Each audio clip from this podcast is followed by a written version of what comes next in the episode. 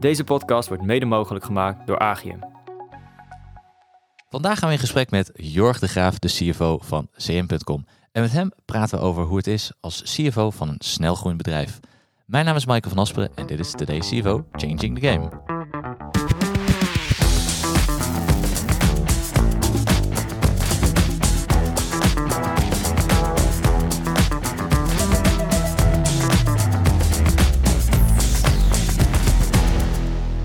Jorg, welkom. Leuk dat je er bent.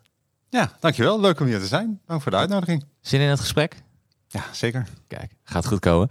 En uh, naast mij zit, uh, zit mijn co-host voor vandaag, uh, Stefan. Stefan Persoon, welkom. Leuk dat je bent, Stefan. Dankjewel, Michael. Je hebt er ook zin in? Heb er zeker zin in. Kijk, nou, dat gaat helemaal goed komen. De energie is al in de zaal. Um, laten we even, even starten met kort voorstellen. Jorg, als, je bent CFO van CM.com. maar kan je nog iets meer even over jezelf vertellen? Ja, zeker. Uh, ik ben inderdaad Jurg Graaf, ik ben uh, 46 jaar. Ik woon hier eigenlijk niet zo heel ver vandaan, in uh, Den Haag, met mijn vrouw en twee kindjes. Uh, ik ben bedrijfseconoom qua training, heb mijn opleiding in Maastricht genoten en daar heb ik een beetje de liefde ook voor het Burgondische leven heb ik daar wel een beetje samen blijven kleven, zeg maar. Dus ik hou, ja, ik hou gewoon lekker gezellig hapje eten met vrienden, familie, et cetera.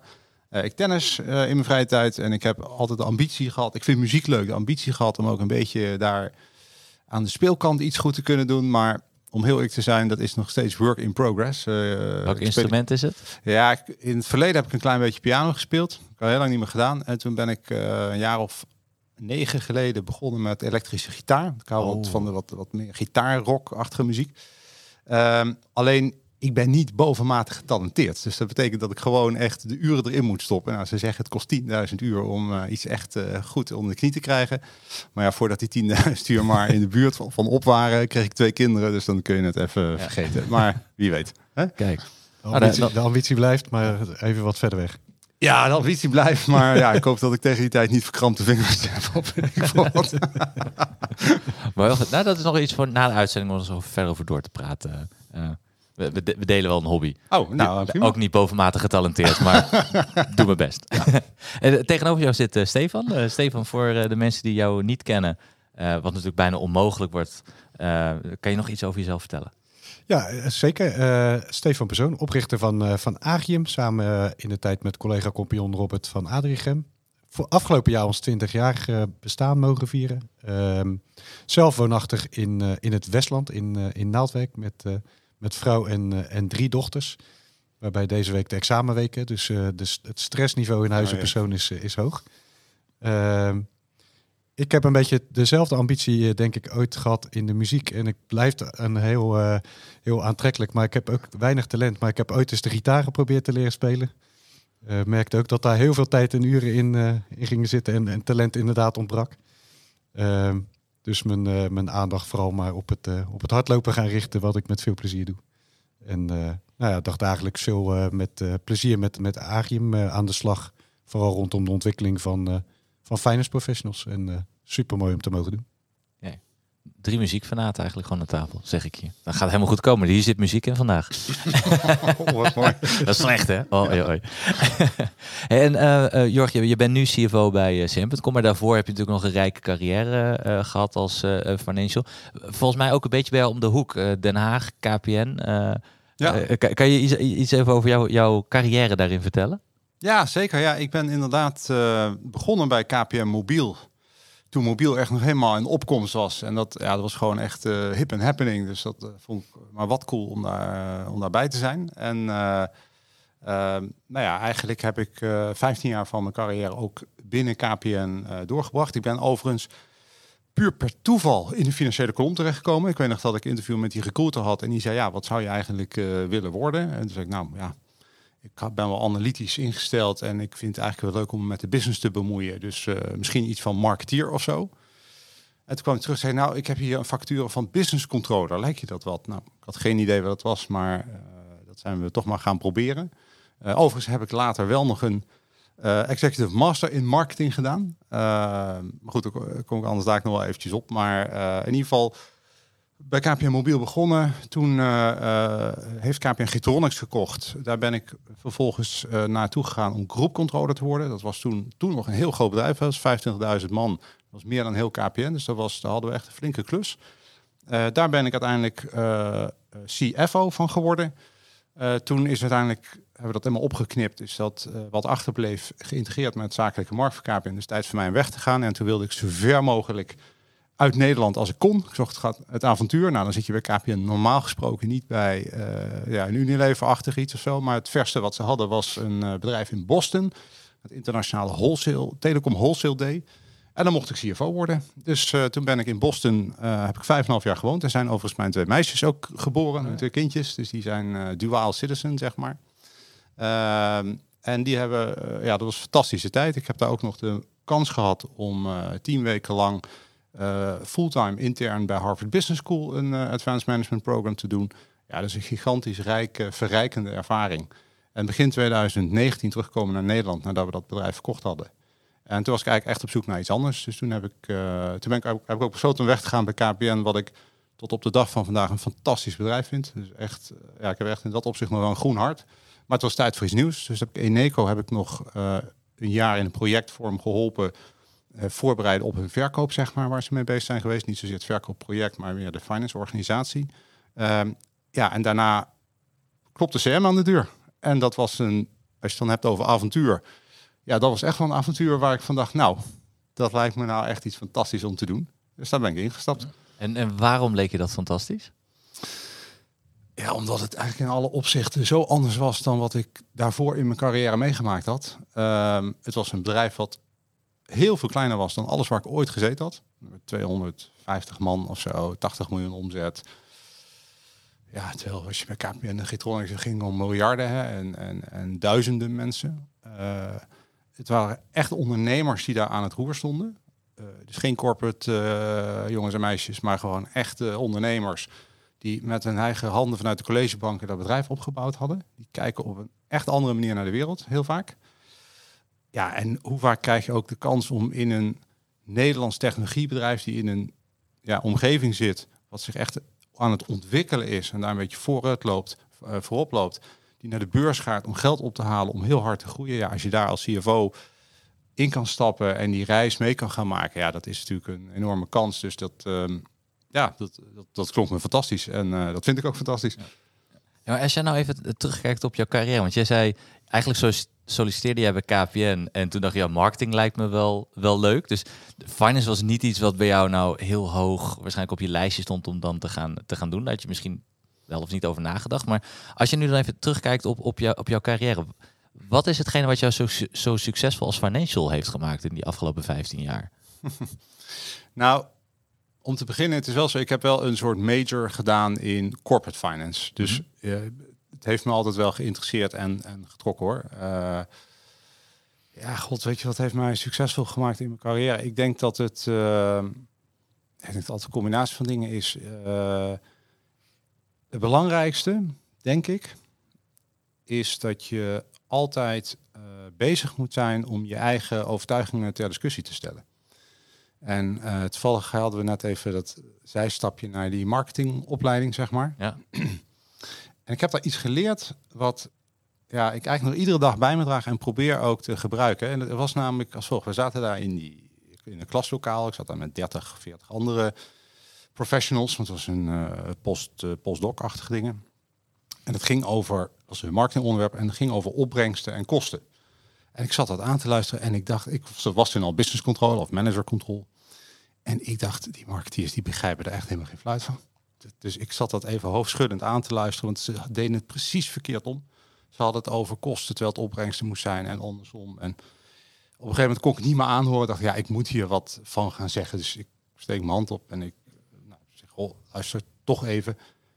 Jullie zien het echt helemaal verkeerd. Het zit echt heel anders in elkaar. Dus ik was even aan het uitleggen hoe het dan werkelijk in elkaar zat. De opbrengst en kosten. En die hele groep zat mij aan te kijken.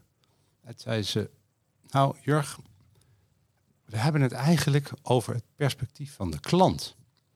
Dus de kosten voor de klant is wat hij betaalt aan het bedrijf. En de opbrengsten is wat hij ervoor terugkrijgt. En toen dacht ik, oeh, dat is een ander perspectief.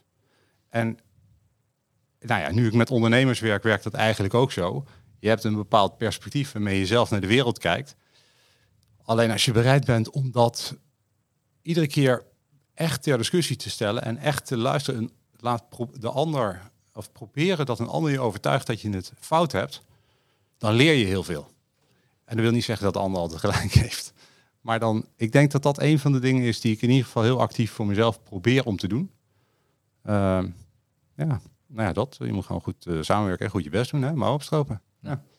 Ja, tegelijkertijd hoor ik je eigenlijk ook wel zeggen, je redeneert het veel meer vanuit een business point of view. Want volgens mij is juist, althans als ik het zo vrij mag zijn om dat te zeggen, jouw drijft juist die business kant. Ja. En je bent daar finance als eh, randvoorwaardelijkheid, hè? Want, want business draait met ook de juiste inzichten en de juiste structuren, waar je denk ik ook je inzet op, eh, Ja. op doet. Is ook bijzonder om te horen dat je, je kwam niet vanuit een finance eh 200% finance rol. Je keek vanuit de business naar. Ik, ik, Ja. Althans, ik vul het een beetje in met de ambitie ook om dan marketing te doen. Vind ik best een hele eh, moedige in de zin van, eh, ja, eh, laat ik zo zeggen, het is niet standaard bij de financial dat je, dat, dat je ziet dat iemand een, een executive master doet. Nee. Marketing, sorry. Ja. Ehm, dus dat vind ik wel een mooie eye-opener die je aangeeft van ja, die, die, die, die verruimde blik, die voegt gewoon heel veel toe in, in je rol. Ja. Ja, kijk, wat ik ook echt wel denk dat voor iedereen geldt, maar zeker ook voor financials, is dat de impact die je maakt, is natuurlijk zeg maar de kracht van je argument, eh, maar de acceptatie daarvan. en de acceptatie daarvan is niet altijd op basis van puur een koude, rationele uitleg of analyse. Dat is ook vaak in het begrijpen hoe een ander dat percipieert, hoe dat in zijn of haar situatie impact heeft op zijn dagelijkse werk en wat, wat diegene moet doen. En ehm, ja, daar moet je mee proberen te werken. Toevallig vanochtend had ik een call met eh, een deel van ons Azië-team. Nou, daar hebben we heel succesvolle business hebben we daar. Alleen daar doen we zaken met bedrijven die wij hier in Nederland helemaal niet kennen. We hebben er nooit van gehoord. Ehm, ja, hoeveel krediet geef je die nou om business te doen? Hè? Want we werken met kredietlimieten qua risicomanagement, et cetera. En eh, ja, dat weten we op een gegeven moment, dat weet je niet. Maar dan kom je in een soort spagaat terecht waarbij je vanuit financiën op een gegeven moment zegt, ja, dit is het wat we maximaal willen doen. Maar die mensen lokaal, die werken in een heel andere cultuur dan wij. Dus die zeggen, ja, maar wacht even.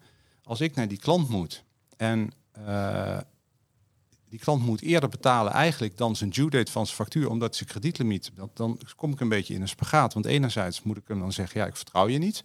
Zegt, ja, dat is in onze cultuur heel moeilijk, want je bouwt heel langzaam relatie en vertrouwen op en daar komt business uit.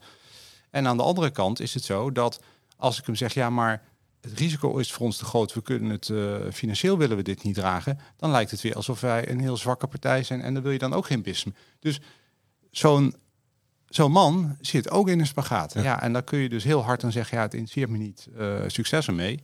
Maar ik geloof er heilig in dat als je succesvol wilt zijn als CFO, dat je dat moet begrijpen en dan actief mee moet denken, oké, hoe kunnen we dat nou samen oplossen? Hoe kunnen we zorgen dat die klant niet een van beide gevoelen heeft, maar toch doet wat wij willen? Nou, en dat is, dat is elke dag is dat een eh, ja, soort, soort ontdekkingstocht eigenlijk. Is, is, dat, is dat erg wennen? Hè? Want je komt vanuit een best gestructureerd hè, corporate bedrijf naar uiteindelijk nu eh, een bedrijf wat, wat eigenlijk gedreven wordt door ondernemerschap. Hè? En dat, Ja. ik zeg niet dat dat bij KPN niet is, want daar zitten ook genoeg ondernemende mensen. Maar eh, is wel een andere, andere setting en, en denk ik ook cultuur eh, daarmee. Ja, totaal. Ja, nee, dat is echt, dat is echt heel anders. En eh, soms is dat, ja, soms is het vertragend, omdat je denkt, joh, maar dat is toch helder, dat moeten we toch gewoon doen. Maar vaak is het ook heel verrijkend, hè? want ehm, ja, dingen die je eigenlijk als heel normaal beschouwt, die zijn niet per se heel normaal. Hè? Iets heel simpels als eh, het hebben van budgetten. Ja, dat was toen ik daar net binnenkwam eigenlijk helemaal niet aan de orde. Ik keek gewoon hier over hier wat de ontwikkeling was.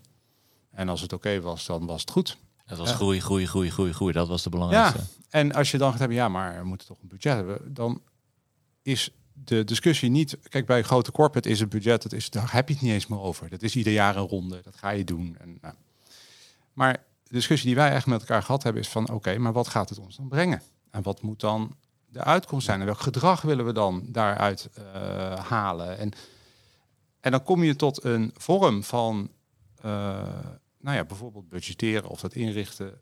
die toch afwijkt van hoe je dat gewend bent. Hetzelfde geldt voor een, een afdeling als risicomanagement. We hadden dat eigenlijk niet echt uh, binnen CM toen ik, uh, toen ik binnenkwam. Maar goed, ja, we zijn een beursgenoteerd bedrijf geworden. Dus je wilt gewoon uh, die professionaliteit moeten omhoog.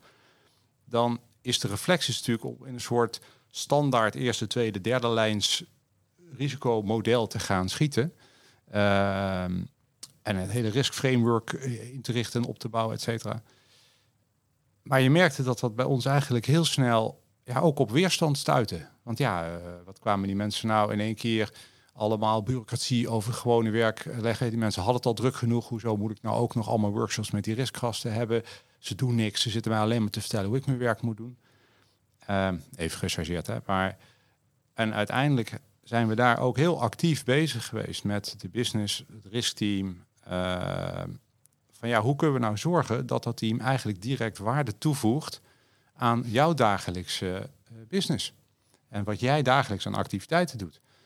En ik denk inderdaad, hè, wat je net uh, terecht zegt, uh, die ondernemers, die ondernemers geeft, betekent ook dat je elke dag opnieuw goed voor jezelf na moet denken. Niet aannemen van, oh ja, iedereen doet het zo, laat ik het ook maar zo doen.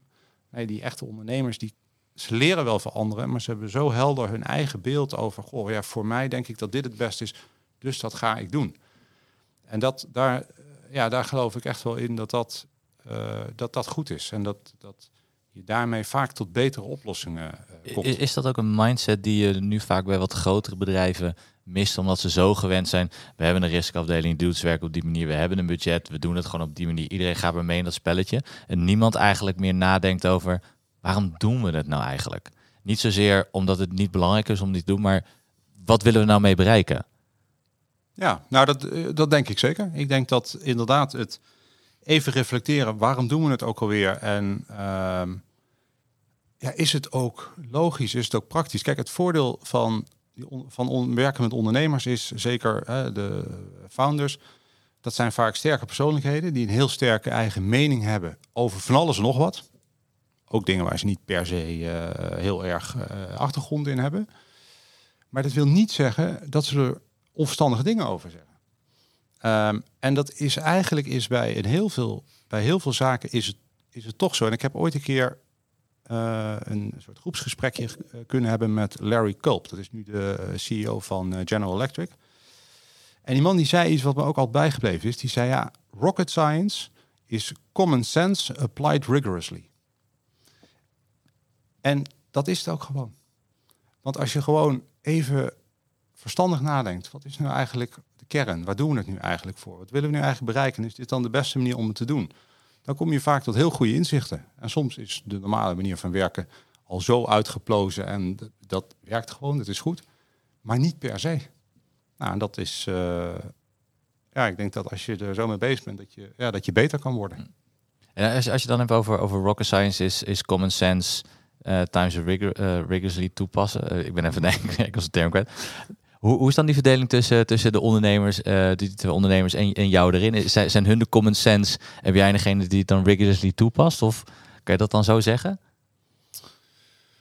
Uh, nee, dat is eigenlijk heel verschillend. Uh, nee, dat is eigenlijk heel verschillend. We zijn wel al drie andere persoonlijkheden. Uh, dus we zitten met z'n drieën zitten we in de raad van bestuur, zeg maar. En ja, kijk, zij zijn ondernemer, dus komen vanuit een heel andere achtergrond. Ik zit, ben wat bestuurlijker ingericht, zeg maar. En, en uh, nou ja, zit wat meer op processen. En, en waar dat elkaar eigenlijk raakt en uh, aanvult, is uh, dat zij zien overal mogelijkheden. Hè. Dat, dat, daar ben ik ongelooflijk jaloers op. Ik wou dat ik dat zelf ook op die manier had, maar ik ben zelf niet zo'n ondernemer. Maar ze zien overal mogelijkheden, overal kansen. En mijn rol is juist om dat deels te omarmen, maar ook weer te zorgen dat we er keuzes in maken. En om te zorgen dat als we het doen, ja, dat we het ook goed doen. Want wij hebben binnen onze organisatie hebben wij een soort uh, credo voor mensen. Ehm, doe wat je leuk vindt, doe waar je goed in bent en draag bij. Dat is eigenlijk de filosofie van, van ja, de HR-filosofie, zeg maar, van mensen bij ons houden. Ik zit wel iets meer op de kant en draag bij. En zij zitten iets meer op die eerste kant. En zo vullen we elkaar, uh, zo vullen we elkaar wel een beetje aan, ja. Je zou denken dat eigenlijk ook bij bijvoorbeeld een KPN en dergelijke mensen dat natuurlijk ook zeggen. Zorg dat je het leuk hebt, uh, uh, winnaarsmentaliteit hebben. Mis je, dat dan bij, bij dat soort bedrijven toch een beetje erin zit? Of is het op een andere manier? Ja, het is op een andere manier. Kijk, bij ik denk alle corporates, maar ook bij een bedrijf als KPN heb je natuurlijk ongelooflijk goede medewerkers. Mensen die echt, echt ja, een hart voor dat bedrijf hebben. En ja, die doen dat, weet je, die hebben dat ook, weet je, dat, dat, daar zit dat ook in. Uh, het zit echt alleen veel diepgaander in de, in de filosofie. Bijvoorbeeld, wij hebben in principe ook geen, uh, geen job profiles, geen functiebeschrijvingen.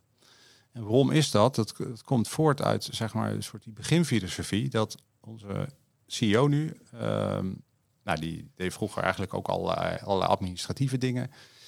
En die had eigenlijk een bloedhekel aan, uh, die moest hij ook die btw-aangiftes doen. Nou, had hij echt een bloedhekel aan. Uh, maar goed, het moest wel gebeuren. En toen zat hij op een gegeven moment een keer ergens bij uh, kapper. Daar raakte hij met iemand in gesprek.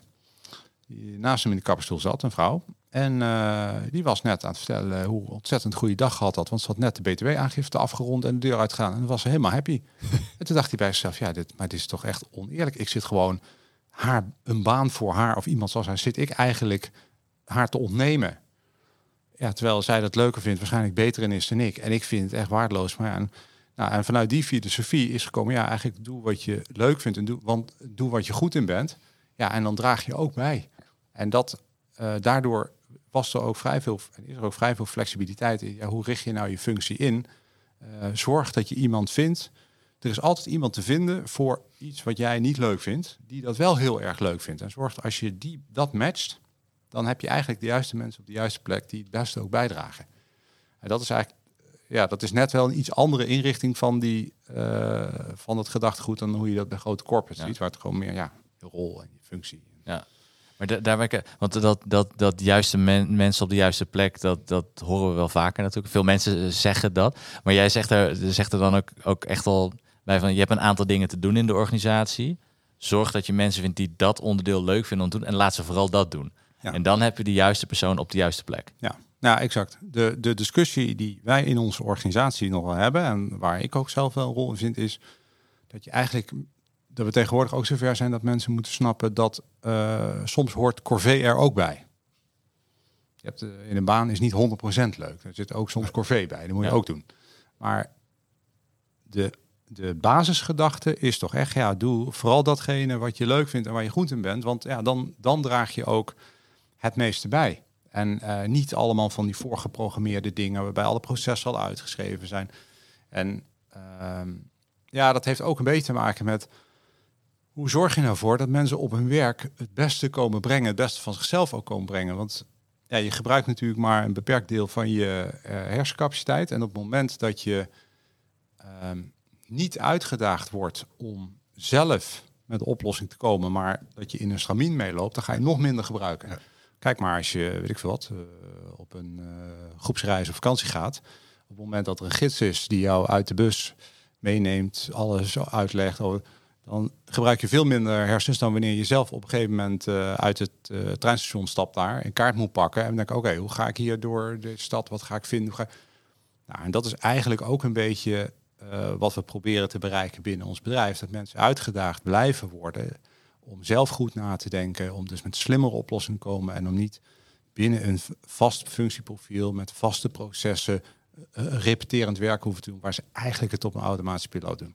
Ja. Dus eigenlijk hoe je eh, gedrag ook eigenlijk ziet vertalen naar impact op ook weer de groei van, uh, van, van CM, als ik het goed, goed beluister. In de zin van dat mensen eigenlijk met hun gedrag enorme bijdrage en impact ook leveren aan die, uh, ja. aan die groei. En hoe, hoe, meer structuur er eigenlijk bij komt, des te belangrijker het is om juist dat gedrag te blijven stimuleren. Dat uiteraard een deel repeterend en uh, werkzaamheden erbij horen, maar dat er ook een deel vrij blijft om, om juist die impact te blijven maken op die, op die groei. ja. Nou ja, verandering precies. van het bedrijf. Ja, nee, exact. Ja, kijk, we, we, we hebben ook weinig formele chemia waar we dingen besluiten of waar dingen. eh, mensen zoeken elkaar veel organischer op en komen zelf ook met het idee: hé, hey, maar wacht eens, ik denk dat we dit nu moeten gaan ontwikkelen. Of ik denk dat we. Nou, dat wordt natuurlijk wel lastiger naarmate je groter wordt. Hè? Want Ja. op een gegeven moment. Kijk, als je 200 man bent, dan weet je elkaar allemaal nog wel te vinden en dan is het nog wel te overzien. Maar oh ja, hoe overzie je het nou als je duizend man eh, in dienst hebt? En dat is, ja goed, we zijn natuurlijk door een enorme, zijn door een enorme ontwikkeling gegaan als bedrijf. En dit is een van de zaken ja, waar je ook wel ziet dat langzamer ook dingen gaan veranderen. Dus we proberen zoveel mogelijk context eh, te geven en, en een beetje een framework, zodat mensen daarbinnen alsnog zeg maar die vrijheid eh, hebben en houden.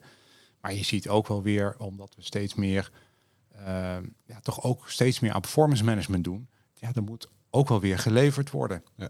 Dus we proberen alles te meten en, en te weten en te kijken, ja, waar gaat het goed en niet. Dus dan, dat is ook alweer een, een verandering, zeg maar. Ehm, maar ja, zo hebben we dat, zo hebben we zo verschrikkelijk veel veranderingen tot nu toe al doorgemaakt. Eh, Jij zit daar wel bij sleutelrol in de zin van het bewaken van de dynamiek rondom eh, toch structuur en wat je zei, perfor- performance management enerzijds. En anderzijds als driemanschap binnen Ja. eh, het team wat, wat het ondernemerschap natuurlijk ook drijft om, om dit bedrijf weer verder te groeien. Het is een, best wel een hele nou ja, belangrijke rol en ook spannende rol om dat op, op een goede manier voor te brengen, denk Ja. ik. Nou ja, zeker. Eh, ik denk dat ik een prachtige rol heb. Eh, wat niet wil zeggen dat het niet op een aantal momenten verschrikkelijk uitdagend is. Ja, ja. En eh, ja, dat begint nog voordat je begint eigenlijk al die, die, die twee founders. Ja, die kenden elkaar al vanaf letterlijk de middelbare schooltijd, dag één.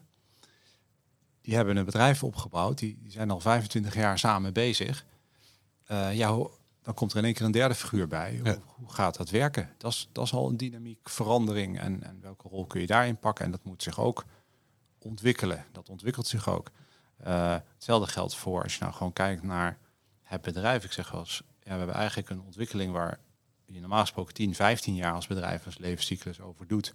Hebben wij in drie, drieënhalf jaar eigenlijk gecomprimeerd meegemaakt. Want we zijn, het was natuurlijk een soort privately held MKB-bedrijf in Breda. En toen zijn we naar de beurs gegaan om geld op te halen om eh, versneld te groeien. Nou, dat is heel erg goed gelukt. We hebben echt, ja, we zijn gewoon echt hypergrowth gehad. Hè. We zijn gewoon in, in alle opzichten in drie jaar tijd drie keer groter geworden. We hebben drie keer zoveel omzet, drie keer zoveel klanten, drie keer zoveel medewerkers, eh, drie keer zoveel kantoren in, in buitenlanden. Eh, we zijn beursgenoteerd, dus dat betekent zeker voor de finance functie dat de lat echt in één keer heel veel hoger komt liggen. Je bent niet meer ja, de back-office die een beetje, nee, ja, in één keer moet dat echt eh, naar een veel hoger niveau. Uh, ja, wat ik zei, uh, heel veel groter. We hebben in drie jaar tijd negen of tien acquisities gedaan. Die moeten allemaal geïntegreerd worden met nieuwe productlijnen. Ja, en het moet allemaal werken. Nou, dat betekent dat je daar echt. En dan vervolgens, dus, dus die. Eerst is dus die enorme groei. Dan moet je allemaal dat zien te leveren. En dan vervolgens kantelt de markt eigenlijk helemaal, de kapitaalmarkt, uh, voor techbedrijven. En is er nog maar één ding wat de boventoon voert. En dat is uh, winst maken. Terwijl dat anderhalf jaar geleden had ik gesprekken met investeerders die zeiden, joh, je bent knettergek dat je niet nog uh, 100, 100 miljoen extra uitgeeft ja. om te groeien. En binnen zes maanden was het verhaal echt, uh, wanneer schrijf je zwarte cijfers? Nou, en dat ja, eigenlijk allemaal die journey in uh, ja, drie, drieënhalf jaar tijd. Dus ja, dat is leuk. En als je, als je dan even naar die, uh, naar die journey kijkt, want jij kwam, jij kwam, jij kwam ook binnen, uh, volgens mij net na de beursgang, maar om de boel waarschijnlijk ook te gaan professionaliseren, structureren. Je gaf ook aan budgetproces, ben je mee bezig geweest. Maar waarschijnlijk een van de eerste dingen waar je hebt gekeken is je finance team. Want hoe groot was het team, wat zit er, wat is er nodig? Wat ben je daarmee gaan, gaan doen? Hoe groot was het toen, hoe groot is het nu? En wat heb je in die tussentijd met dat team gedaan? Ja, daar hebben we ook een heel traject mee afgelegd inmiddels. Um, hoe groot was het? Ik denk dat we misschien een mannetje of twintig of zoiets hadden, denk ik. Uh, inmiddels hebben we er 60, denk ik, ongeveer, alles bij elkaar. Maar ja, het was gewoon eh, ja, wat ik zei, het was gewoon echt een back-office functie. Hè? Dus eh, de, de financiële organisatie was eigenlijk met name een administratie waar een rapport ook uitkwam voor, uh, voor managementinformatie, maar niet heel sophisticated, weinig analyses. En grotendeels was dat het eigenlijk. Ehm, nou ja, en, en vervolgens ja, zijn we dus hebben we die beursgang gehad. Wat daar heel wat, daar hebben we echt best wel last gehad daarna om het allemaal bol te werken. Want in één keer gingen we heel hard groeien. Ehm, en dat betekende dat een heleboel dingen die in het verleden goed gingen, in één keer niet meer goed gingen. Uh, een van de zaken is, we waren echt en zijn nog steeds heel klantgericht. Dat is fantastisch uh, op zichzelf. Behalve als het betekent dat je continu aan het uh, customizen bent, waardoor er heel veel handmatig werk ja. uh, bij komt kijken. Nou, dat was zo in het verleden bij ons. En als je, op dan, als je dan in één keer gaat groeien, dan gaat dat dus knellen. En dat gaat knellen omdat je het niet kan bemensen. Er worden er fouten gemaakt. Als fouten gemaakt worden, komen er weer vragen terug. Dus je komt op een gegeven moment in een soort, je krijgt een discussie met sales. Want sales zegt, ja, maar luister eens hier, ik verkoop toch aan de klant wat ik wil. Uh, waar bemoei jij je als financiën mee? Hè? Dat is jouw rol helemaal niet. Nou, en dat allemaal, zeg maar, terwijl je ook nog eens een keer uh, ja, beursgenoteerd bent en een nieuwe accountant op je nek mee hebt kijken, dat alles ook eens een keer aan, de, ja, aan die hoge standaarden moet voldoen. Dat zet heel veel druk op het team. Uh, wat je daar zag is dat de mensen die er zaten soms heel goed waren in een setting zoals het was, niet per se de juiste skills of ambitie of hadden voor ja, een, de nieuwe setting. Uh, terwijl het heel goede, super loyale, hardwerkende mensen zijn. Dus dat, dat, dat, dat was lastig hoor. Dat vond ik ook eerlijk gezegd wel lastig soms. Uh, en wat, wat er ook was, is dat het takenpakket was heel organisch gegroeid. Dus ja, dan moest dit erbij. zeggen, oh ja, ik heb nog wel wat ruimte, doe ik wel. Dus dat betekent iedereen deed een beetje van alles. Ja. Nou, en waar we nu uh, vandaag uh, de dag zitten, is dat we gewoon uh, alle functies echt gescheiden hebben. Dus we hebben een accounts payable, we hebben een account receivable, we hebben een accounting, we hebben een reporting, we hebben business control, we hebben treasury, we hebben tax, we hebben M&A, uh, investor relations, uh, risk management bestond niet, hebben we nu. We hebben een internal audit update. Nou, we hebben allemaal gewoon aparte mensen die gewoon heel goed zijn in hun eigen dingen. We hebben ook mensen vaak aangenomen van andere bedrijven die het al meegemaakt hadden op een wat grotere schaal. Zo, dus, dus ook eigenlijk ietsjes te zwaar op de groei binnengehaald, zodat ze ons aan de hand mee konden nemen in hun domein, zeg maar, naar waar het naartoe ging. Nou en ik denk dat we nu in de situatie zitten dat we uh, door alles wat we gedaan hebben, dat operationele stuk ja, behoorlijk goed in de grip hebben. En dat geeft ruimte om meer bezig te zijn met uh, businessbesturing. Analyses, inzichten, impact maken. Nou, hè, je noemt het net al terecht, die kanteling van uh, ongebreidelde groei naar winstgevendheid. Ja, hoe doe je dat op een verstandige manier? Dat is echt, waar maken we datagedreven keuze in. Maar die data dit komt over het algemeen wel vanuit het finance team. Nou, dat is, ja, dat is ook een soort uh, pad wat we doorlopen hebben, waarin onze rol als brede finance organisatie ook zich continu ontwikkelt. Ja, stru van structuur eigenlijk nu naar echt ondersteunend voor de business besluiten. Ja, van, van eigenlijk uh, aan de receiving end zitten. Hè. Dus uh, ja, alles wat er gebeurt, fix het maar. Naar alle, alle uh, hands aan dek om het draaiende te houden tijdens die groei. Naar nu daadwerkelijk impact maken als business partner op waardesturing en performance management. Deels komt ook nut en noodzaak gezien het feit dat je ook naar de beurs gaat en veel meer externe mede-toezichthouders eigenlijk hebt. Maar ja. als ik goed beluister, vanuit het ondernemerschap wordt ook duidelijk het nut hiervan onderscheven. Ik kan me voorstellen dat in het begin een beetje zoek is geweest vanuit, ja, moet dit nu allemaal? Ja, ja dit, dit, dit moet. Ja. Ehm, ja. Maar brengt nu ook uh, het, het dusdanige op dat je ook besluiten kan nemen naar je verdere groei.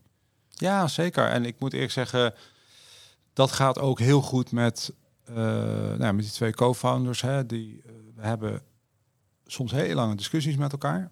Maar we hebben nog nooit in een situatie gezeten dat er bijvoorbeeld een machtswoord uitgesproken was. Of iemand gezegd heeft, ja, en toch besluit ik dit of zo. We hebben het er net zo lang met elkaar over tot we het allemaal hetzelfde beeld hebben. Dat is soms aan de ene kant niet efficiënt omdat het heel veel tijd kost. Aan de andere kant is het wel heel effectief. Want ja, je staat jezelf toe om een onderwerp echt helemaal uit te diepen. Ja, je krijgt ook geen poldermodel waarbij je ergens in het midden uitkomt. Nee, en je spreekt met dezelfde mond. Dus dat is gewoon, eh, ja, dat, dat, dat, dat vind ik heel prettig. En dat werkt eigenlijk werkt dat, eh, heel goed. En die mannen zelf ja, hebben een technische achtergrond, dus die, die zijn ook wel gewoon op data gericht. Dus als, je gewoon, als we gewoon data op tafel hebben en we kijken allemaal naar dezelfde feiten, dan heb je een zinvolle discussie. Dus dat wordt ook wel omarmd. Wat, eh, ja, wat soms lastiger is, is keuzes maken. Dus wat doen we dan niet? Want wat we wel doen, ja, daar weten we heel veel van. Maar ook ja, sommige dingen moeten we dan ook op een gegeven moment niet doen of niet meer doen. Uh, soms moeten we een klant die we eigenlijk toch wel heel graag willen hebben, niet op de manier faciliteren zoals die klant dat wil, maar toch terugduwen en zeggen, joh, we kunnen het wel op A en B doen, maar niet op manier C.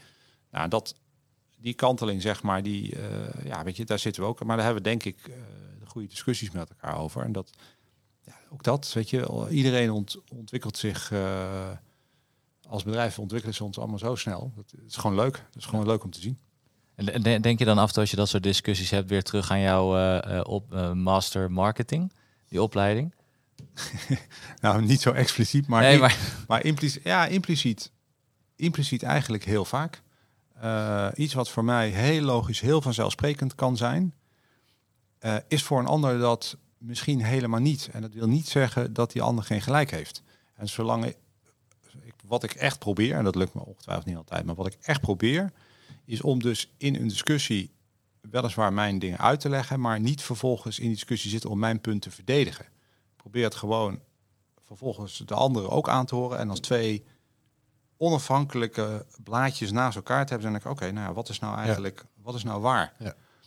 En daar kom je, natuurlijk, kom je natuurlijk niet altijd uit, en soms zit je toch nog een beetje in je eigen dingetje eh, vast. Maar ja, je moet jezelf soms ook een beetje los, uh, los zien te weken van ego of zo. Weet je, gewoon ja, je kan het wel al twintig jaar doen en al vijftig keer meegemaakt hebben. En, maar dat wil niet zeggen dat, uh, dat je het altijd beter weet. Maar merk je dan, want jij hebt dan echt die open mindset, uh, die heb je gelet ook met je ervaring van, vanuit die master, dat je ogen geopend worden, werden. Die ondernemers, hebben die dat dan ook altijd? Of moet je soms ook echt gewoon moeite doen om een ander perspectief te, te laten zien? Nee, uh, nee, dat gaat eigenlijk. Eigenlijk hebben zij dat ook heel erg. Uh, kijk, ze hebben natuurlijk sterke overtuigingen over uh, zaken. Maar goed, dat heb ik ook. alleen als je maar bereid bent om met elkaar het gesprek aan te gaan en de mening van de ander echt aan te horen, dan kom je vaak kom je veel verder. En wat ik ook geleerd heb, is ik ben eigenlijk iemand die ja, vooral qua kleuren dingen heel rood ben, snel do besluit door. Maar soms heeft het ook heel veel waarde om een onderwerp even een week te laten liggen. En heb je de week daarna heb je het er weer over met elkaar. En dan zie je dat er soms toch in een week dingen veranderd zijn, waardoor je in één keer of een oplossing vindt die beter is, of dat je elkaar wel beter begrijpt. Uh, en dat, ja, dat is ook iets waar ik eigenlijk uh, de laatste jaren ook opgestoken ben. Ja, als, je even, even niet uitkomt, of als je gewoon een heel lange discussie ja, neem even een pauze. Kom er gewoon drie dagen of een week later opnieuw op terug. Kan heel helzaam zijn. Het ouderwetse nachtje over slapen. Ja, eigenlijk zoiets. Ja. ja. Maar dat, was dat iets wat ze dan al wel gewend waren vanuit het van toen ze met z'n tweeën waren, toen hadden een idee, ze gingen aan de slag. Dus er was waarschijnlijk voor hen dan ook even wennen dat ze niet gelijk een beslissing konden nemen, dat ze even, even wachten. Nou, ik, in alle eerlijkheid, ik denk dat ik dat meer van hen geleerd heb dan zij van mij. Okay. Uh, dus uh, kijk, in zekere zin is het nu formeler geworden, want er bestond natuurlijk heel, helemaal geen RVB of ja, die mannen die spraken elkaar wanneer ze elkaar spraken. En dat kon ieder moment van de dag, nacht, avond, thuis, eh, werk, maakt niet uit zijn. En daar zo stemden ze heel veel dingen af. Uh, omdat we nu met z'n drieën zijn, heb je daar wat formelere uh, touchpoints zeg maar, voor nodig. Uh, maar goed, zij hadden eigenlijk ook ja, een beetje datzelfde. Dat ze met elkaar het erover eens moeten zijn voordat ze het echt gaan doen. En, en in dat opzicht uh, ja, denk ik dat ik dat e-, eigenlijk meer van hen overgenomen heb dan, uh, dan dat dat nou dat, dat iets geweest is wat ik ingebracht heb. Nee. Okay. En, en Jurg, je zei net, vond, vond ik wel mooi te, te horen, jullie zijn flink gegroeid. Hè? Er lag ook een flink, uh, flink aanvalsplan, of dat ligt er. Uh, groei kost ook altijd geld en waarbij de markt nu wat meer vraagt naar rendement. Uh, zou je vanuit wat meer een beheerssituatie meer naar een verdedigingsplan kunnen neigen. Hè? Van nou laten we dan maar werken aan dat rendement. Hoe zie je die balans tussen je verdere groeistrategie qua plan en ook tegemoet te komen aan, hè, want die eisen zijn ook wat meer vanuit externe eh, belanghebbenden. Eh, hoe, zie je, hoe zie je die balans? Hoe kijk je daarnaar voor de komende jaren? Komende tijd? Nou, we zijn en blijven gewoon een groeibedrijf. We investeren heel veel geld in, eh, in groei. Dat is ook eigenlijk de reden dat we eh, ehm, eh, de afgelopen paar jaar verlieslatend zijn geweest. Hè. Dat onze onderliggende business is gewoon heel goed profitabel. Alleen die investeringen in groei ja, duwen dat naar beneden. Ja. Nou, dat is op zich is dat prima. We zijn nu zover dat we daar zoveel data over hebben dat we heel scherp kunnen analyseren waar leveren die investeringen in groei nu voldoende rendement op en niet. Dus onze weg terug naar winstgevendheid is eigenlijk een kwestie van gebruik maken van de kennis die we opgedaan hebben om het eh, ja, om datgene wat het meeste rendeert door te zetten en de rest niet. Dus we blijven wel, eh, we blijven gewoon groeien.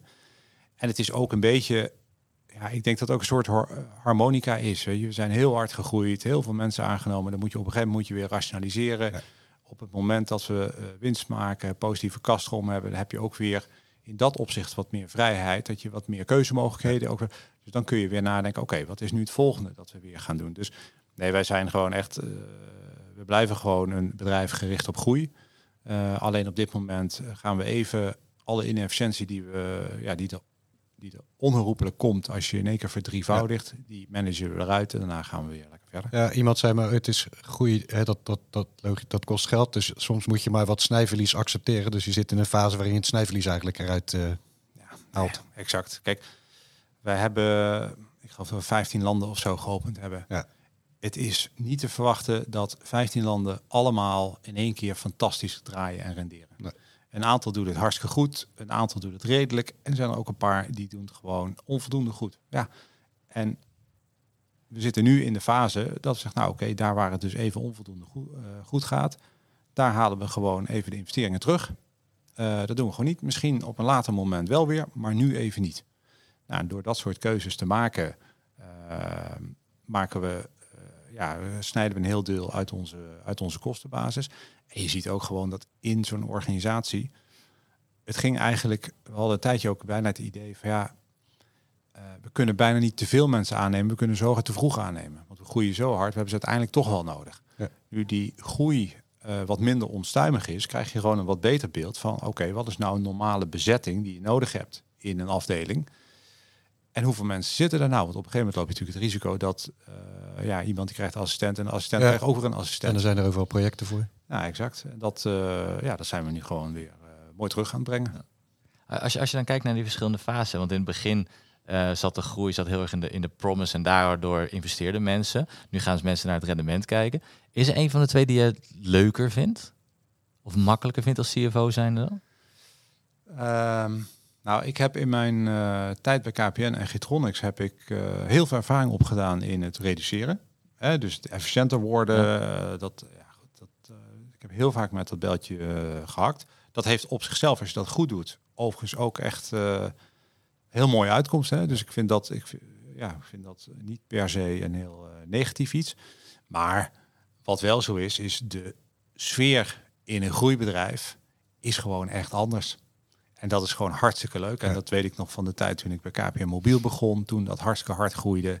En dat, nou ja, hetzelfde, maar dan iets ondernemender en jeugdiger trof ik aan eh, bij cm.com. Eh, ja, het zijn van een groeibedrijf, het echt gericht zijn op groei, op het pakken van nieuwe kansen en opportunities. Dat geeft zo'n positieve vibe en energie in die organisatie. Ja, dat, ik hoop dat we en verwachten ook dat we dat wel eh, de komende jaren vast weten te houden. Eh, want dat is uiteindelijk het allerleukst. Want hoe, hoe blijf je dat dan vasthouden? Want dat is een cultuurding. Eh, en cultuur verandert natuurlijk best wel gemakkelijk als je niet uitkijkt. Dus hoe probeer je dat dan vast te houden?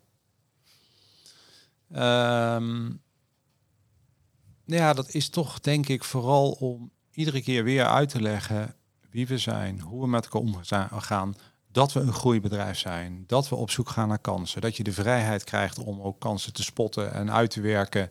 Ehm, en dat we nu niet in een fase zitten van eh, shrinking to greatness of zoiets. Weet je, dat, ja, dat, dat iedereen snapt ook van, goh, ja, oké, op dit moment moeten we eventjes eh, winstgevend worden. Maar ons verhaal blijft continu, jongens. We zijn een groeibedrijf. We zien allemaal opportunities. We zitten ook in een markt die ontzettend hard groeit nog steeds. Waar de ontwikkeling nog lang niet klaar is. Hè. Dat is echt de wijze waarop uh, bedrijven met consumenten uh, engagen en, en, en communiceren. Dat heeft nog een hele weg te gaan. Nou, daar, zijn wij een frontrunner in. Daar hebben dus die route die is nog lang niet gelopen. Uh, en daar, daar blijft de focus op. En dan wordt het efficiënter worden, is eigenlijk ja, bijna een soort hygiëne iets wat we gewoon moeten doen, maar is niet de kern van ons bedrijf. Nee. Maar dat, dat verhaal continu naar buiten vertellen. Je hebt natuurlijk heel vaak bedrijven die zijn, ja, het gaat minder goed met de, met de markt of zo, of uh, de resultaten vallen tegen, we gaan snijden. Dat is natuurlijk een incidenteel iets, maar jij zegt heel bewust van, we hebben nog steeds dat doel, dat stipt daar aan de horizon. Dit zijn de verschillende fases om daar te komen. En we zitten nu even in deze fase. En dat continu blijven vertellen aan de mensen, zorgt ervoor dat je die cultuur behoudt. Vat ik dat dan zo goed samen? Ja, ja ik denk het wel. Uh, en de mensen snappen dat ook. Uh, mensen begrijpen ook van ja, de wind waait nu even anders. Ja, we zijn ook wel heel hard gegroeid. Ja, we zien ook wel dat er dingen uh, efficiënter gemaakt weer even kunnen worden. Dus dat we dat nu even doen. Dat, dat, ja, dat begrijpt eigenlijk iedereen, begrijpt dat goed. Ehm, maar iedereen snapt ook, ja, waarom zitten we bij CM? Omdat we gewoon bij een ondernemend leuk groeibedrijf willen werken. En dat, gaat, ja, dat, dat blijft de kern van wat we zijn. Ja, ja, wat genuanceerdere groei. Dat geeft wellicht ook nog weer eens wat extra aandacht voor de mens. Er zijn veel nieuwe mensen bijgekomen. Ja. Ik denk zomaar dat dat goed is om uh, nou, ook weer vanuit die, uh, dat momentum daar weer uh, die, die cultuur ook weer goed in te blijven bouwen en vormen. Ja, nou zeker. Daar heb je me gelijk in. Kijk, als je zoveel mensen tegelijk over de hele wereld aanneemt, ja, dan moet je ook zorgen dat de mensen passen dat ze uh, in de cultuur, dat ze uh, genoeg aan de hand genomen ja. worden om hun weg te vinden binnen de organisatie. Zeker omdat het niet heel hiërarchisch is. Ja, moet je ook gewoon weten bij wie moet je zijn. Uh, hoe regel je dat allemaal? Nou ja, de, dat heeft nu ook even. Als je continu bezig bent met nieuwe mensen aannemen, opleiden, weet wat, dat, dat gaat op een gegeven moment staat daar natuurlijk ook druk op. Dus we hadden altijd al, dat is ook waarom we niet die 100 miljoen extra uitgeven hebben om te groeien. Omdat we voor onszelf wel een maximum hadden van aantal mensen die we gewoon konden onboorden per kwartaal. Ja. Gewoon wat de organisatie kan absorberen aan training en, ja. en, en, en, mentoring en dat soort dingen. Ja, nu hebben we eigenlijk, we groeien nog steeds heel mooi. Um, maar met een niveau dat je het ook iets gecontroleerder zeg maar allemaal kan doen. En eigenlijk iets, ja, iets beter kan, kan doen. Uh, dus ja, weer eventjes een nieuwe fase, maar ook weer, uh, ook weer heel mooi en, en leuk, leuk. En ik denk ook goed voor het bedrijf. En uh, als ik dan uh, een, een, een, moeilijke vraag mag stellen, is als je nou kijkt naar de afgelopen drie jaar dat je, dat je actief bent, wat is nou het dossier waar jij het meest van wakker hebt gelegen? Oeh, het dossier waar ik het meest van wakker heb gelegen. Um...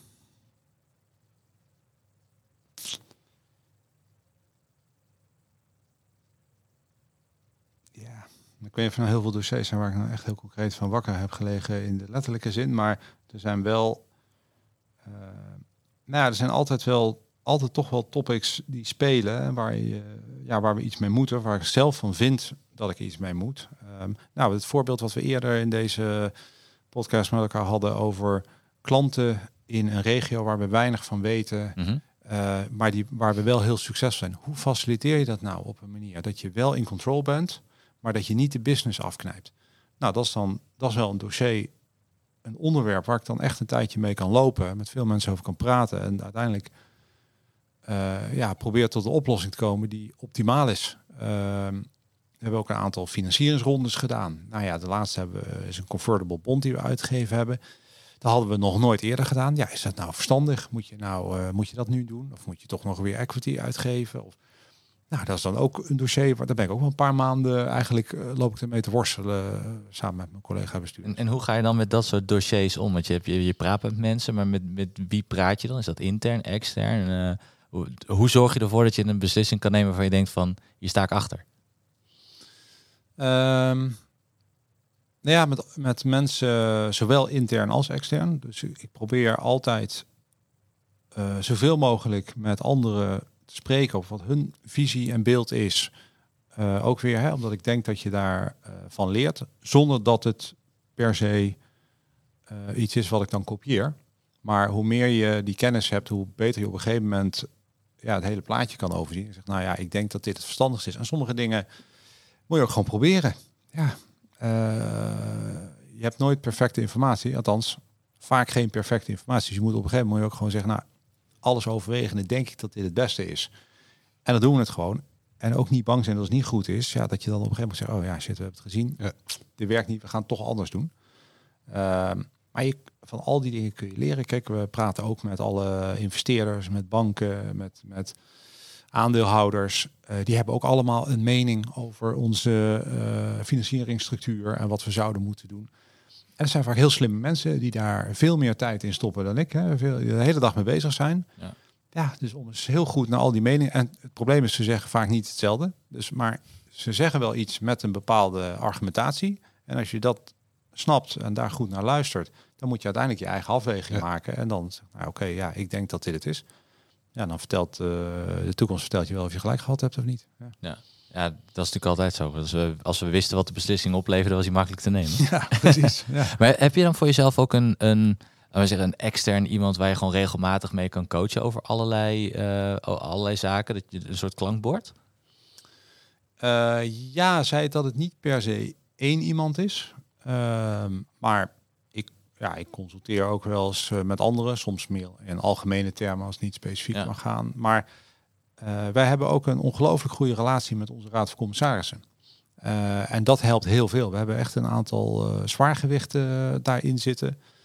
Ehm, en die mensen zijn altijd beschikbaar om gewoon te sparren. Dus ik ben gisterochtend op de koffie geweest thuis bij onze voorzitter van de auditcommittee. Nou, die man is echt, ja, is de oud bestuursvoorzitter van SHV, het grootste familiebedrijf in Nederland. Ja. ja, die man is gepokt en gemazeld. Een hartstikke slimme man, die, die begrijpt ons bedrijf. Die heeft heel veel meegemaakt. Ja, ik vind dat heerlijk om gewoon de dossiers die, waar ik mee worstel of die op tafel liggen, uh, met hem te bespreken. In alle transparantie. En uh, hoe ik er tegenaan kijk, horen hoe hij er tegenaan kijkt. Uh, en het blijft uiteindelijk het besluit van het bestuur. Maar dat is geweldig. We hebben Jacques van der Broek, hebben wij als de stout CEO van Randstad, als onze voorzitter. Ja, die man kan ook buigen op een enorme hoeveelheid ervaring.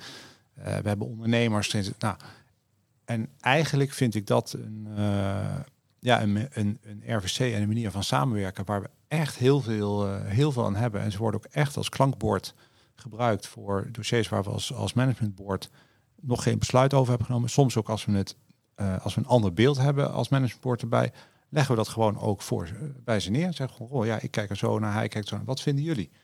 Nou, en dan ko. Dus ik, eigenlijk is dat, los van allerlei andere mensen die, die je ook spreekt, maar eigenlijk is dat zeg maar toch wel de belangrijkste uh, klankbordgroep. Ja. Is, probeer dat dan ook te stimuleren voor je team, dat zij regelmatig met anderen uh, sparren? Uh, ja, maar ik vind wel dat het hun eigen verantwoordelijkheid is. Dus okay. ik geef aan hoe ik het doe. Ik geef aan hoe ik denk dat het voor hen zou helpen. Uh, maar goed, het is aan hen zelf. Je zeg zelf wat ze doen. ja. ja. en, en ja, goed, ik probeer zelf ook zoveel mogelijk klankbord te zijn uh, voor uh, een sparringpartner, vooral voor mijn team. Ja, de deur staat altijd open. Ja, ja, ja, ja, absoluut. Ja. ja. En als je, als je nu uh, terugkijkt hè, naar, naar jouw drie jaar, was je belangrijkste leerles dan eigenlijk geweest? Of zijn er dingen die je op basis van je ervaring of je leerles anders zou hebben aangepakt? Nou ja, je leert sowieso dat alles wat je doet, dat je eigenlijk met de kennis die je van later, dat je eigenlijk altijd te laat geweest bent. Ja. Dus dat is, uh, dat is een soort iets wat bijna niet te vermijden is, maar ja, te lang uh, dralen, zeg maar, levert nooit iets op. Uh, dus dat heb ik wel, dat heb ik wel geleerd. Nou ja, en eigenlijk het thema wat we meerdere keren al terug hebben laten komen vandaag is ja, echt, echt, luister, echt luisteren naar naar andersdenkenden uh, en mening van anderen en daar je voordeel mee doen. Dat is eigenlijk iets wat ik, ja, wat je niet altijd in een corporate setting heel erg, waar heel veel ruimte of tijd voor genomen wordt. Maar gegeven de setting waar ik hierin zat, was dat bijna een soort verplichting. Want ja, we kwamen van heel andere invalshoeken en als je dan samen gaat werken zonder dat iemand ja, een soort vuist op tafel wil slaan of zo, ja, dan kun je maar één ding doen en dat is echt heel goed naar elkaar luisteren. Dus dat ja, dat is eigenlijk nog wel weer een keer versterkt. Dus dat is misschien wel uh, een van de belangrijkste, uh, belangrijkste dingen. Uh, ja, en altijd zelf goed na blijven denken. Weet je? Je, je triggert me een klein beetje met, met wat je zegt. Dat bij corporates gebeurt dat niet, niet altijd. Of is de mogelijkheid dat- daar niet toe? Hoe, hoe komt dat dan in jouw ogen? Ehm, nou, ik denk overigens dat het, dat het te kort de bocht om te zeggen dat dat daar niet is of niet kan. Hoor. Dat kan natuurlijk altijd wel. Eh, alleen als ik even naar mezelf kijk, en mijn Ja. eigen gedrag kijk, en misschien moet ik dat da- daarop reflecteren, dan zie je dat daar ehm, vaak de, de, de chemia ook wat formeler zijn. Er veel druk is ook om snelheid te maken. En daarin, ja, hoeveel ruimte geef je jezelf daarin, zeg maar, om echt eventjes op goed te luisteren. Vaak denk je, ja, maar goed, jongens, kom op, ik weet het wel, we gaan het zus doen of we gaan het zo doen. En omdat er ook een eh, iets hiërarchischere structuur is, wordt dat ook makkelijker geaccepteerd. De baas neemt een besluit en dan gaan we dat ook doen. Daar zijn we als Nederlander niet helemaal per se heel goed in, maar eh, toch iets meer. En ehm, aangezien we hier eigenlijk dat veel minder hebben bij het bedrijf, word je ook ja, gedwongen om niet te gaan zeggen, ja, oké, ja, ik heb je gehoord, maar ik ben de baas en we doen toch dit. Maar om echt op basis van het gesprek te, doen. Dus het is meer zeg maar voor mezelf dat de, de setting binnen cm.com die ik aangetroffen heb, dat ja, toch weer opnieuw zeg maar aangewakkerd heeft. En ik daar toch opnieuw weer veel inzichten uit gehaald heb. Eh, ondanks dat ik ja, dacht met een hoop ervaring en CFO van veel grotere bedrijven het ja, toch wel ook een beetje te weten. Maar sommige dingen eh, ja, kun je ook weer beter worden en leren. En, en Stefan, dit zou aanhoren ook als mede, eh, als ondernemer ook zijn, samen met, Robert. Die journey die eh Jorg naar de afgelopen drie jaren eh meegaat. Welke dingen vind jij herkenbaar? Ja, ik, ik, ik, kijk, het is in die zin qua, omvang denk ik iets ander anders in de zin van beursnotering en, en kleiner. Tegelijkertijd herken ik wel veel van, van eh, de ondernemersdynamiek. En bij ons is Mark Krijgsman uiteindelijk eindverantwoordelijk geworden als, eh, als CFO. En daar hebben we echt wel een hele reis mee doorlopen om eh, toch ook wel van, eh, van jaren van explosieve groei te zoeken naar een balans met- een wat meer gedoseerde groei, maar wel met, met aandacht op de mens, proces en ook wel het rendement. Dat gaf of geeft eigenlijk ook alweer een uitgangssituatie als basis om weer die groei in verder te brengen. En ehm, ik denk dat het zonder de structuur die uiteindelijk er ook in is gebracht, hè, als, als zijnde, ik denk dat het ook echt randvoorwaardelijk is geweest om, om juist ook weer, weer verder te groeien. En ik zie ook wel eh, nou wat je zegt rondom eh, hoe, ga ik dan verder nu ook met eh, die, aandacht voor die mensen om die cultuur te bewaken. En de punten waarvan je zegt van ja, de, zaken waar we eigenlijk ehm, dingen laten liggen, landen waarvan je zegt van nou, waren die investeringen nou wel zo, zo, zo, zo, zo goed achteraf? Om daarop bij te sturen, dat is denk ik heel daadkrachtig. Ehm, omdat je daarmee ook gewoon weer een fundament legt naar de, naar de verdere groei.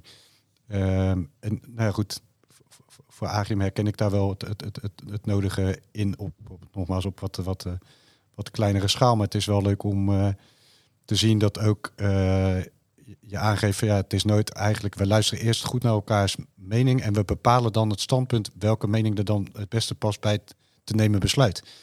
En eh, dat is wel iets wat, wat- ik even opsla. Ik herken er veel bij, omdat ik het altijd een minder goed verhaal vind als je dan maar kiest naar iets wat in het midden ligt. Ik, ik kwam net al even te sprake, want ik denk dat je daar gewoon sowieso niet beter van wordt. Of je nou, eh, eh, als je het hebt over het bijsturen van het bedrijf en tegelijkertijd ook over je dienstverlening, maak met elkaar de juiste keuzes. En eh, nou, ik vind dat vind ik wel heel mooi om, eh, om, om te horen uit, uit jouw verhaal. Dat, eh, ja, mooi om, eh, om, jullie verhaal daarin eh, in te hoe je, hoe je dat bij elkaar brengt.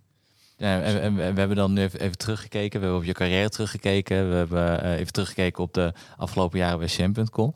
Dan moet je natuurlijk ook nog een beetje vooruitkijken. Je hebt enorme groei doorgang. Je hebt nog steeds ambitieuze groeiplannen. Volgens mij richting de 320, 340 miljoen in 2023. Zeg ik vaag ergens gelezen te hebben, dacht ik.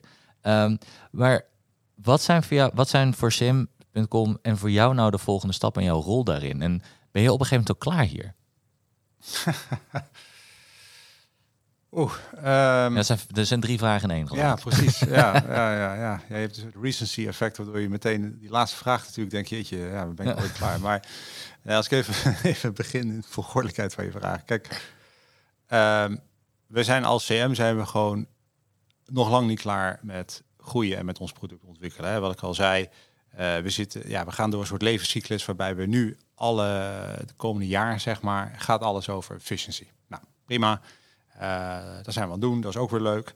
Maar uiteindelijk waar we gewoon naartoe willen, is we willen de klantreis en klantinteractie tussen bedrijven en consumenten net zo makkelijk, persoonlijk en relevant maken als dat je met een van je beste vrienden communiceert. Nou, als je nu weet uh, uit je eigen ervaring hoe uh, klantcontact met een bedrijf is, dan hebben we daar nog een heel eind te winnen. Dus wij zijn daar echt nog lang niet, uh, nog lang niet klaar. Nee. dus wat ik voorzie is dat we inderdaad nu focussen op efficiëntie en vervolgens gaat ja, dat weer nog meer aandacht naar oké, welke nieuwe stappen gaan we zetten qua groei en, en uitbreiden weer van het bedrijf, et cetera. Ja. En dat is dan uitbreiden qua aantal landen waar je zit, als in ook producten in de bestaande markten. Kan, kan alles zijn, kan, kan portfolio zijn, kan landen zijn, kan, weet je, gewoon, uh, ja, we hebben, we hebben veel opties en we zijn daar gewoon, uh, ja, we zijn nu echt vooral bezig op die efficiëntie. Maar als dat op orde is, dan gaat het andere weer alle aandacht krijgen. Nou, voor mij persoonlijk is de rol ook echt ja, continu aan het veranderen. Wat ik al zei, in het begin was het echt gewoon alle hands on deck om te zorgen dat we ja, eh, het allemaal aankonden. Uh, dat we als beurssteerbedrijf ons fatsoenlijk uh, door overal doorheen sloegen en alles op, orde hadden. ja, die rol die is veel meer nu aan het kantelen naar nou ja, business impact maken, value management, performance management. dus daar ja, ik denk dat daar in de komende periode voor mij meer tijd en meer aandacht in gaat zijn. Dadelijk gaan ook die kapitaalmarkten weer open hè, voor bedrijven zoals wij. Dat betekent dat dat waarschijnlijk ook weer een belangrijk iets zou zijn. We hebben nog een convertible bond om te herfinancieren. Dus nou, dat zijn allemaal uh, projecten, als ik naar de komende twee jaar of zo kijk, uh, die nog wel op, op het pad komen. Dus ja, daar ben ik echt, daar ben ik zelf nog niet klaar mee. Daar is echt nog wel genoeg te doen. En het belangrijkste is, um, het, ik vind gewoon echt oprecht een heel leuk bedrijf om voor te werken. Uh, werk goed samen met collega's. Het is een bedrijf als je er binnen stapt. Je voelt gewoon de energie. Dat is gewoon echt, ja, ik zou jullie eens een keer uitnodigen om bij ons te komen. Maar als je binnen stapt, je voelt gewoon de dynamiek, de energie. Uh, en dat is gewoon hartstikke leuk. Dus om bij ja, zo'n groeibedrijf te werken met, met een ondernemersgeest en een positieve energie. Ja, ik vind dat, ik vind dat prachtig. Dus, uh, en als CFO van een beursbedrijf die ook nog een keer groter wil worden. Ja, dat is ook een prachtige rol. Dus ik, uh, ik ben nog wel even bezig. En, en dan de gewetensvraag. Stel je voor KPN, die klopt bij jou aan. Die zegt, uh, je mag CEO van KPN worden. Zeg je dan, ja, dat ga ik doen? Of zeg je, ja, ik vind eigenlijk die, die, de fase, de, de, de bedrijf waar cm.com in zit, in die fase vind ik eigenlijk gewoon veel leuker. ja, um, ik ben nu gewoon echt helemaal uh, gecommitteerd aan CM. En uh, ja, om heel te zijn, ik ben nou echt niet bezig met, met andere dingen. Ik, ik zou het niet uh, voor me zien, maar ja, ja, je, weet, je weet nooit hoe een koe vangt. Maar, maar zou, zou, je, zou je ooit in, in, in, in, in, in de toekomst uh, weer terug kunnen naar een grote corporate? Of zijn dit soort type bedrijven gewoon echt veel leuker en veel passender bij jou? Laat ik hem nog nou, stellen. Misschien moet ik het anders zeggen als ik terug zou gaan naar een grote corporate, dan zou ik daarin wel heel veel meenemen van wat ik bij een bedrijf als CM aantref. Want daar zitten heel veel elementen in ja, die ik heel waardevol vind, waarvan ik echt denk dat een bedrijf er beter van wordt, maar die ik zelf ook gewoon, die mijzelf energie geven. Uh, dus ja, weet je, als dat niet uh, er is of ik vat, ja, dan is de kans dat ik ergens anders naartoe zou gaan, is, ja. is, is heel gering. Ja, ja. oké, okay. kijk, dankjewel. Dus we zijn, al, uh, we zijn alweer even, even door onze tijd heen. Dus zo'n uurtje vliegt altijd voorbij. Um, ja, ik wil, ik wil je eigenlijk hartelijk danken voor, uh, voor je openheid en hetgene wat je hebt verteld over, over Sim.com, over jouw rol daarin. Dus er komen weer een aantal interessante dingen uit, moet ik zeggen. Stefan, jij ook dank voor, voor jouw aanwezigheid en uh, het co-hosten van, uh, van deze sessie. Ja, graag gedaan. We hebben het eigenlijk niet meer gehad over muziek en gitaar en nee, de ambitie op dat nee, maar dat, vlak. Doe je nou toch, geloof ik? Ja, ja, ja, ja, ja, klopt. nou, ja, maar jullie ook bedankt voor het leuke, leuke gesprek. Ja, graag gedaan. En dan, uh, we gaan je zeker, zeker nog wel vaker spreken. Dat gaat helemaal goed komen. Hartstikke dus, goed. beide hartelijk dank voor nu. Vond je dit nou een leuk gesprek en wil je meer verhalen horen van CFO's? Volg ons dan op ons Agium kanaal.